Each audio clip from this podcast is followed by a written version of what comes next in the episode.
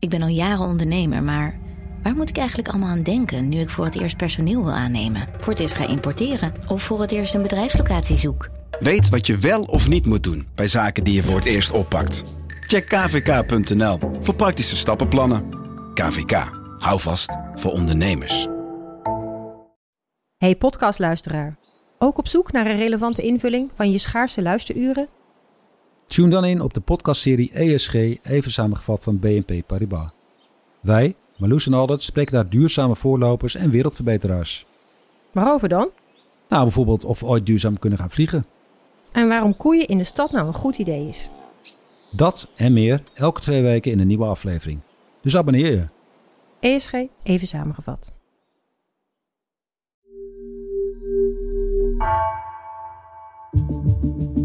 Vanaf de redactie van NRC het verhaal van vandaag. Mijn naam is Geertje Dunter.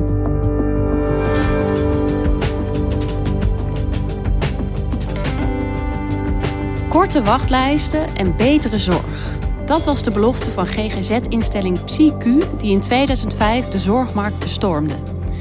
Ruim 15 jaar later is daar weinig van terechtgekomen, ontdekten redacteuren Jeroen Wester en Romy van der Poel. De zorginstelling ziet een financieel zwaar weer en patiënten worden abrupt naar huis gestuurd omdat hun behandeling te duur is. Hoe kan het dat een GGZ-instelling patiënten zo moet teleurstellen?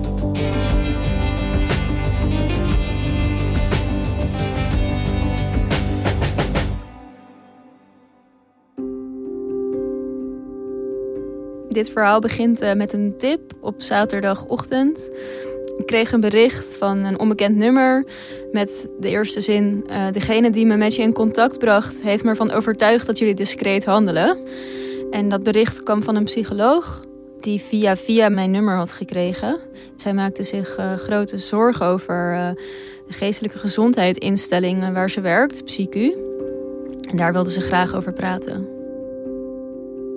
Dus we hadden een koffieafspraak gemaakt en zij had alle punten uh, waar ze zich uh, zorgen over maakte op uh, de envelop van haar stempas geschreven met een rood stempotlood. En ze begon dat allemaal op te lezen. Ze vertelde onder meer dat ze haar werkmail bijna niet meer durfde te openen door alles wat ze daar zou kunnen aantreffen. Ze maakte zich zorgen over haar patiënten. Ze vertelde eigenlijk kort samengevat dat mede door de financiële problemen bij de instelling waar ze werkte, de behandelingen steeds verder werden uitgekleed.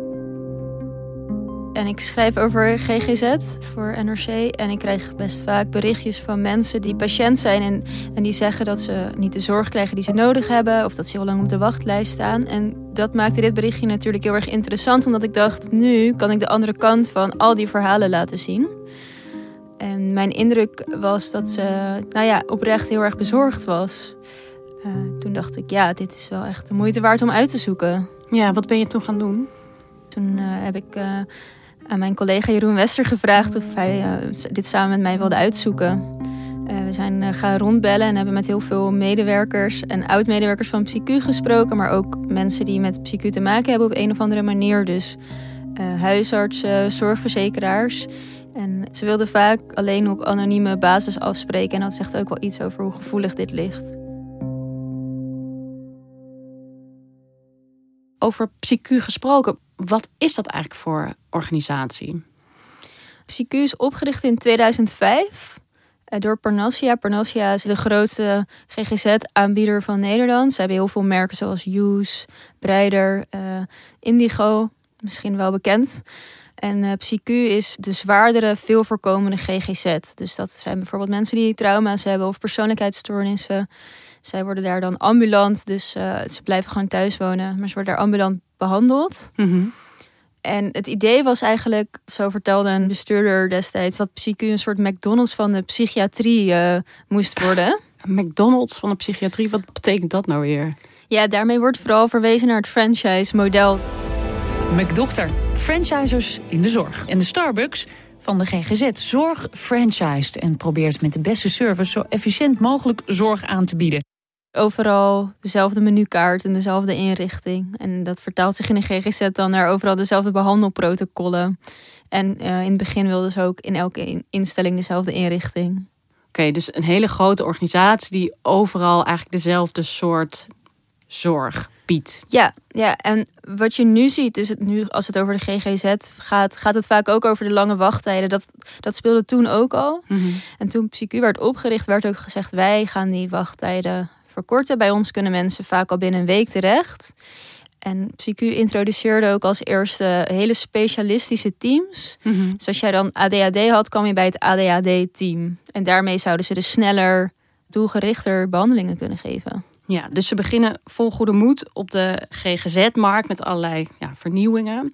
En wat is er van hun beloftes terechtgekomen? Nou ja, ehm, zoals ze het aankondigden, zo ging het niet. Hmm. En niet al die beloftes hebben ze kunnen waarmaken. De wachtlijsten zijn er nog steeds. En die behandelingen, de snelle behandelingen die ze wilden geven, die duren ook langer dan gewenst. En bovendien, PsyQ werd opgericht vanuit marktwerking. En zij wilden de concurrentie aangaan met, eh, met andere aanbieders van GGZ-zorg. En op sommige plekken is dat helemaal niet gelukt. Dat zagen we toen we langs gingen in Beverwijk. Eh, daar staat ook een uh, PsyQ-instelling. Uh, daar zijn eigenlijk alle concurrenten verdwenen. Dus alle mensen met veel voorkomende zware psychiatrische problemen komen daar terecht. En, en waarom, is dat, ja, waarom is dat erg eigenlijk? Nou, de beloofde keuze die je dus zou hebben als patiënt, die is er niet gekomen. En dat hoorden we ook van de manager bedrijfsvoering in, in Beverwijk, Willem Roos.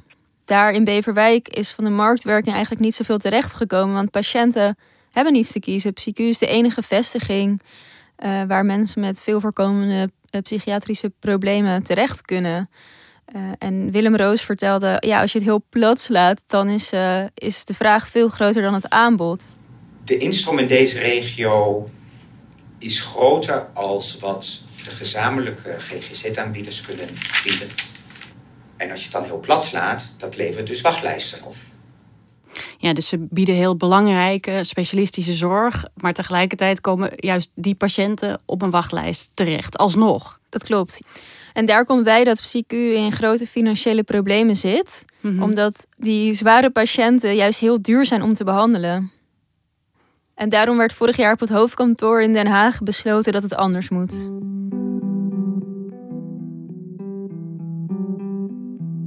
Wat besluiten ze dan precies op dat hoofdkantoor? Ik bedoel, wat, wat moet er anders? Het hoofdkantoor en eigenlijk Parnassia en Psyche worden heel erg onder druk gezet dat de wachtlijsten korter moeten. Onder meer door de zorgverzekeraars. Dus ja, de behandelingen moeten korter en de wachtlijsten moeten korter. Dus zijn je trajecten korter, kun je meer patiënten in zorg nemen. Dus dat levert je meer inkomsten op. Het eerste wat de medewerkers daarvan meekrijgen is een hele strenge mail. Waarin staat dat patiënten die te lang in zorg zijn uitgeschreven moeten worden. En het liefst zo snel mogelijk. De directeur mailt naar alle managers. Het mogen duidelijk zijn dat het water ons bedrijfsmatig gezien aan de lippen staat. Maar ook dat de grond voor langlopende behandelingen steeds verder onder ons afbrokkelt. Hoe, hoe werkt dat dan? Waarom kosten die patiënten dan te veel geld? Nou, de instellingen worden grotendeels voor 90% betaald door zorgverzekeraars. Mhm. En met die zorgverzekeraars hebben ze volumeafspraken gemaakt. Dus ze worden betaald voor het aantal unieke patiënten dat ze zien. Ja. En niet voor het resultaat van een behandeling. Ja, dus als een patiënt te lang blijft hangen, zeg maar, dan, dan gaat dat op een gegeven moment ja, geld kosten. Dan komt er geen geld meer binnen. En hoe reageren ze daarop dan, op de, de behandelaars, op die, uh, op die strenge mail die rondgestuurd wordt? Ja, de behandelaren die zijn echt verontwaardigd. Uh, want het gaat vaak over patiënten met langdurige depressies. Uh, mensen die, die grote problemen hebben. een behandelaar vertelde me dat, dat ze mensen helpt die vaak in de steek zijn gelaten in hun jeugd. En zei, wij doen nu eigenlijk gewoon weer hetzelfde. Ja, zo zien ze dat. We laten deze mensen in de steek. Ja, we laten ze in de steek. En dat is nog maar het begin. De directie bedenkt een veranderprogramma uh, om uh, die wachtlijsten weg te werken en de zorg nog sneller door te laten lopen. Mm -hmm. Onder meer de diagnostiek gaat op de schop. Uh, dus bij een intakegesprek waar een paar jaar geleden nog drie uur voor werd uitgetrokken om een goede diagnose te stellen, wordt nu veel meer gericht op de behandelvraag. Mm -hmm. En is nog maar een uur de tijd. de diagnose moet nog wel gesteld worden, maar dat is vooral papier voor de verzekeraar.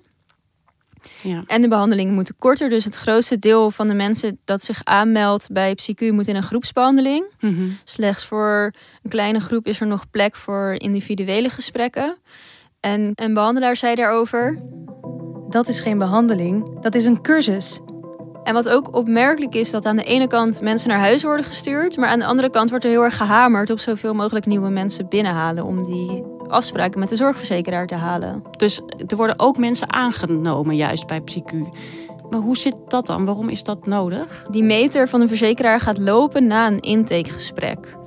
Dus wat ze doen is zoveel mogelijk mensen uitnodigen voor een intakegesprek. Dan kun je een behandeling openen. En als je dan geen plek hebt voor diegene, dan kun je hem weer doorverwijzen naar een andere zorginstelling of terugsturen naar de huisarts. Dat gebeurt er. Er worden mensen op een intakegesprek uitgenodigd voor wie vervolgens geen plek is. Ja, en die mensen weten dat ook niet van tevoren. Dat is toch wel heel, ja, wel heel opmerkelijk. En dat is dus formeel beleid van PsyQ. Ja, het is beleid. Behandelaren die horen van hun managers hoeveel intakegesprekken ze per week moeten doen. Dus Mhm. vanuit Den Haag wordt berekend, we hebben zoveel ingekocht. Dat wordt doorgerekend naar de lokale vestigingen en dat wordt dan weer over psycholoog verdeeld. En zij maken zich er heel erg zorgen over, want zij zeggen, ja, wij nodigen patiënten uit om hun ziel en zaligheid op tafel te gooien. En na een uur zeggen we, sorry, maar we hebben toch geen hulp. Voor behandelaars is het natuurlijk heel erg onprettig eigenlijk om dit te moeten doen, toch? Dat je mensen eerst heel lang spreekt inderdaad en dat je daarna moet zeggen, nou helaas, het zal niet gaan. Ja, dus mensen die moeten of intern nog heel lang op de wachtlijst. Dat is eigenlijk het meest gunstige wat er kan gebeuren. Of ze worden teruggestuurd naar de huisarts of doorverwezen naar een andere zorginstelling, waarna ze weer ook weer op wachtlijsten komen voor een nieuwe intake. Maar voor die behandelaren betekent dat dat er allerlei mensen binnenkomen in de instelling die nog geen behandeling krijgen, maar ondertussen wel op hun naam staan.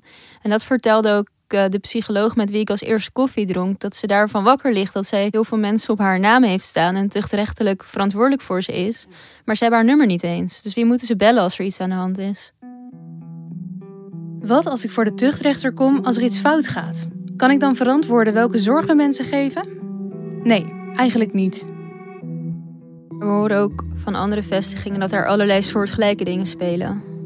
Bijvoorbeeld in, eh, in Rotterdam. Daar krijgen behandelaren in juni de opdracht eh, om hun agenda voor een week lang leeg te vegen. Dus alle bestaande behandelingen moeten even worden gestopt, omdat er intakeweken worden gehouden.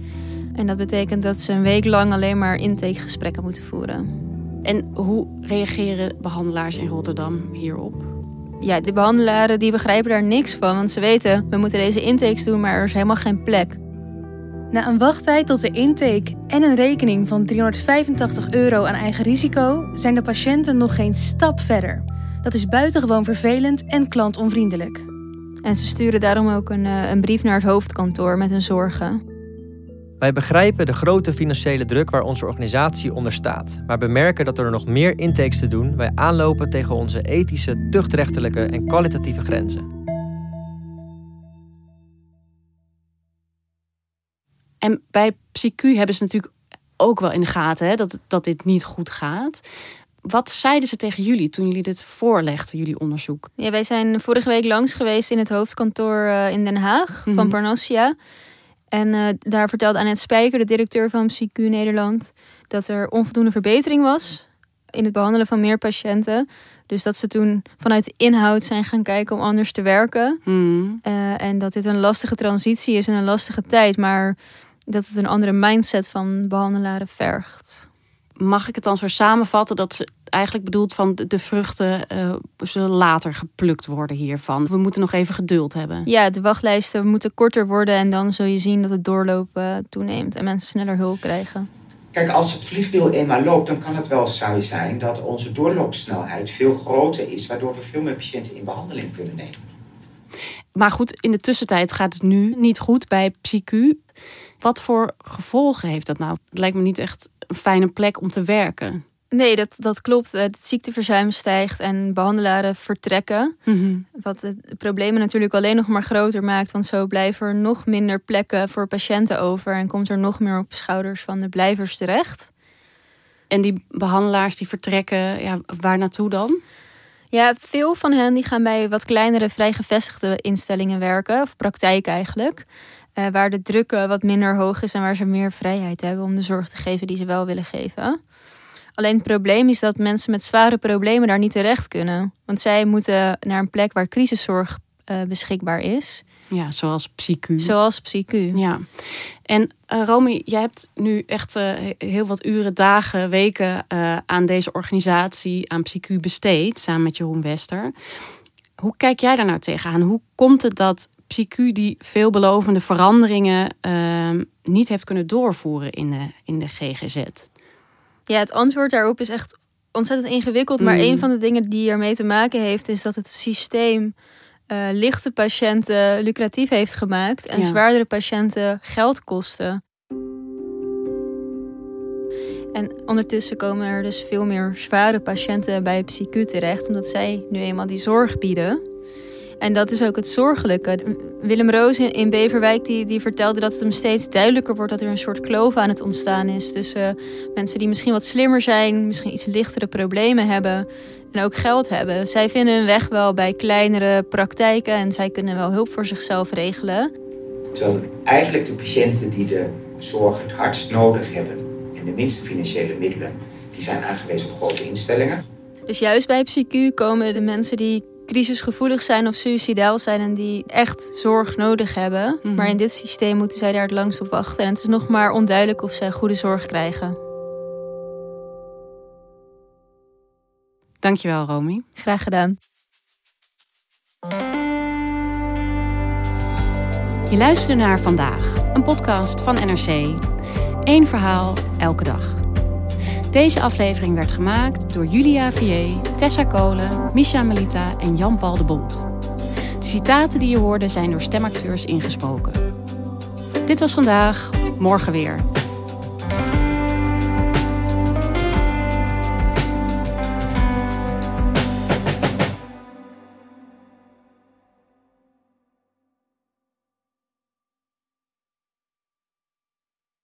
Technologie lijkt tegenwoordig het antwoord op iedere uitdaging. Bij PwC zien we dit anders. Als we de potentie van technologie willen benutten, kunnen we niet zonder een menselijk perspectief. Human-led, tech-powered noemen we dat. Ga naar pwc.nl.